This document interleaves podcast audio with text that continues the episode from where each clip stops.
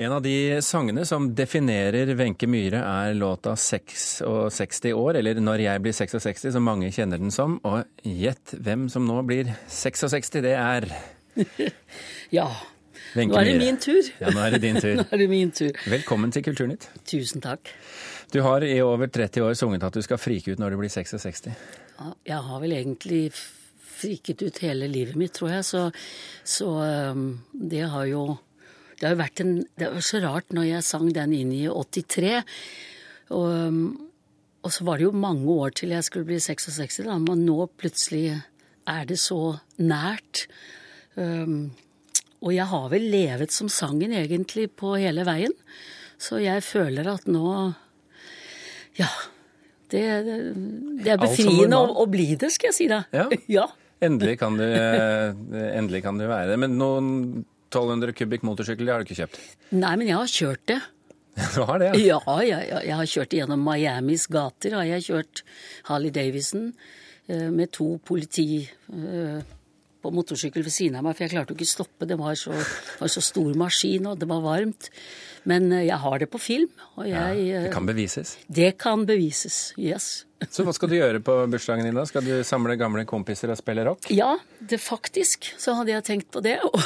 Og en, eh, er det en bursdag som, som jeg Det er jo ikke noe rundt tall, men for meg er jo dette kanskje så rundt det kan bli.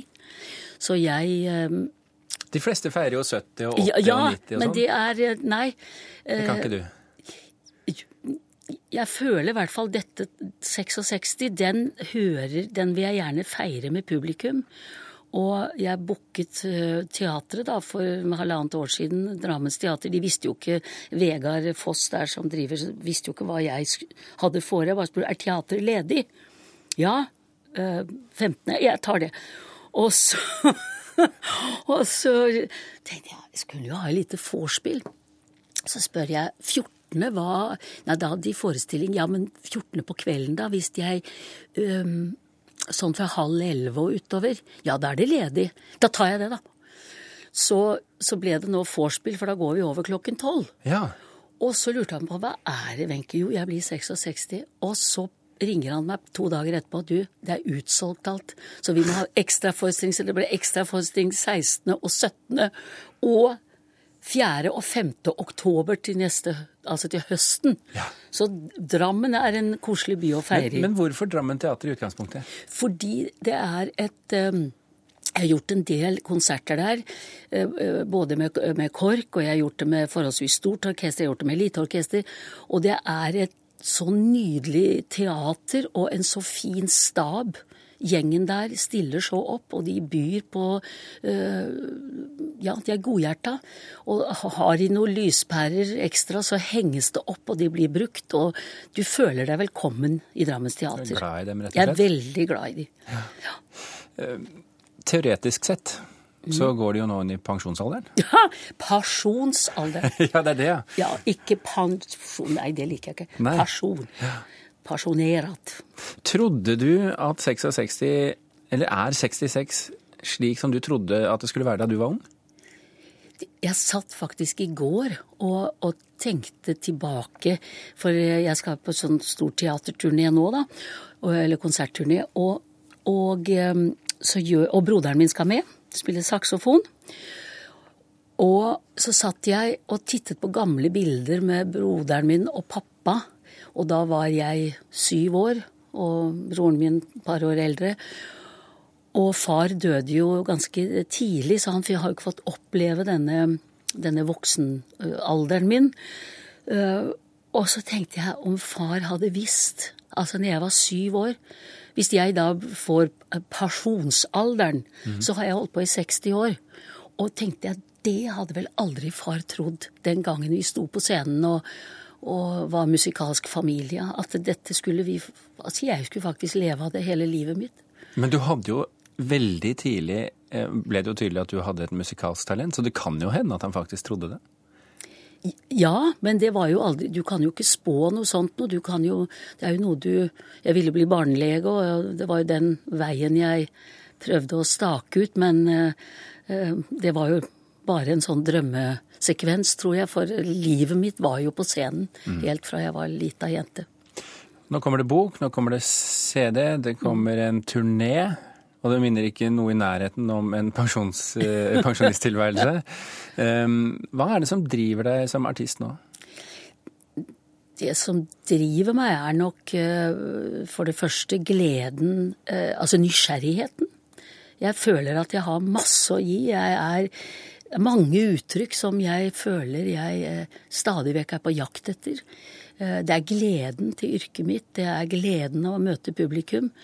Og så har jeg vært så heldig opp gjennom karrieren min å møte veldig flotte Hatt mye musikalske møter far, som var jo en viktig person for meg, for meg, som liten. Og så fikk jeg møte Povel Ramel, som jo preget en side av uttrykket mitt veldig.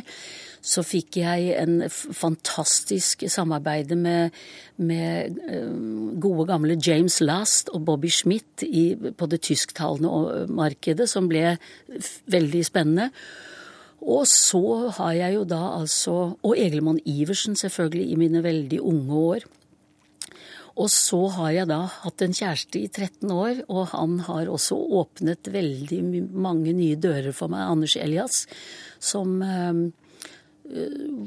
Den døren med Ja, han dirigerer Chess og Christina von Duvemåla, og nå står han på operaen i Göteborg og og dirigerer Göteborgsoperaen. Og det er klart dette er en verden som jeg eh, blir litt dratt inn i. Så repertoaret mitt, det, det øh, fikk plutselig øh, Ja, det ble bredere. Nye vinger? Nye vinger, ja. Absolutt. Du skriver også, eller har skrevet en selvbiografi som kommer nå. Mm. Hva har du lagt vekt på i den? Det er jo vanskelig å ta ut øh, noe i et så langt, og jeg kunne jo skrevet fire bøker bare av hva man har opplevd, men jeg tror dette med forandring, det å, å leve Altså, hvis du beholder forandringen i deg og er obs på det, så tror jeg det er en veldig god livskamerat. For da overraskelse, hvis det er overraskelser, både negative og positive, så betyr det forandring. Og, og, både også hvis du blir syk, eller du, livet ditt ikke går som du kanskje har tenkt, så er det alltid noe nytt som kommer. Og det har vært min, eh, tror jeg eh, eh Ja, det har jeg hatt veldig Det har vært viktig for meg å, å være åpen på forandring. Var det en, en, fordel for deg da du eh, fikk kreft? Absolutt. Jeg et eh, Jeg ble nullstilt på en helt Det var fra en dag til en annen hvor, hvor jeg eh, Hele den, den, den, tråden på scenen ble klippet av. Jeg fikk ikke lov, jeg kunne jo ikke. For det var cellegift og full behandling? Det var cellegift og, og mm, strålebehandlinger og alt. Og, og det er jo sånn i denne bransjen at sitter du Du kan ikke høre på musikk, for jeg blir trigget med en gang. Så jeg måtte lukke hele musikkdøren. Men så kunne jeg jo lene meg tilbake på en fantastisk familie med mine barn og barnebarn og venner som stilte opp. Og øh, man har jo alltid pleiet det, så det hadde vært det viktigste. Men plutselig nå så, så merket jeg hvor, uh, hvor, hvor, nært og fint uh, familien sto rundt deg. Og det var jo i seg selv Tenkte jeg hvis livet nå er sånn, så har jeg denne flotte tilværelsen. Så, men så fikk jeg jo lov Sagmuggen begynte jo å vibrere under bena mine igjen, da. Ja, okay. Så ble jeg sluppet ut i forskjellige Og nå er jeg øh, prøver jeg å holde litt igjen øh, når jeg planlegger. Men jeg gleder meg. Nei. Det er ikke lett å holde igjen? Nei. Uh, og hvis vi ser på karrieren din, du har vært så vidt innom det nå. Du var jo Norges første popstjerne. Ja, Definert eh, sågar nå i det siste av, eh, av rocksenteret oppe i Trondheim. Du har hatt en fabelaktig karriere både i Norge, Sverige og Tyskland. En tidligere turné for ikke så mange år siden ble omtalt som en signingsferd. Hvordan, hvordan skal du toppe alt dette?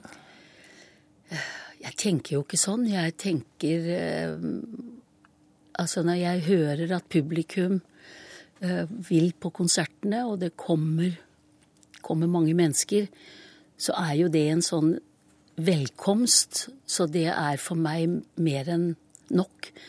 Det er eh, Toppe det kan man Altså, jeg tror svaret på at jeg får lov å holde på så lenge, er vel at jeg har gått videre i karrieren min. Nå har jeg fått selveste Åge Aleksandersen til å skrive en ny låt til meg. Og jeg, jeg tror det at du, at du, er på vei og forandring, og du er, i, du er nysgjerrig og vil videre, det tror jeg publikum merker. Og det er vel derfor jeg får lov å komme på en runde til. Hvorfor tror du at du har blitt så populær?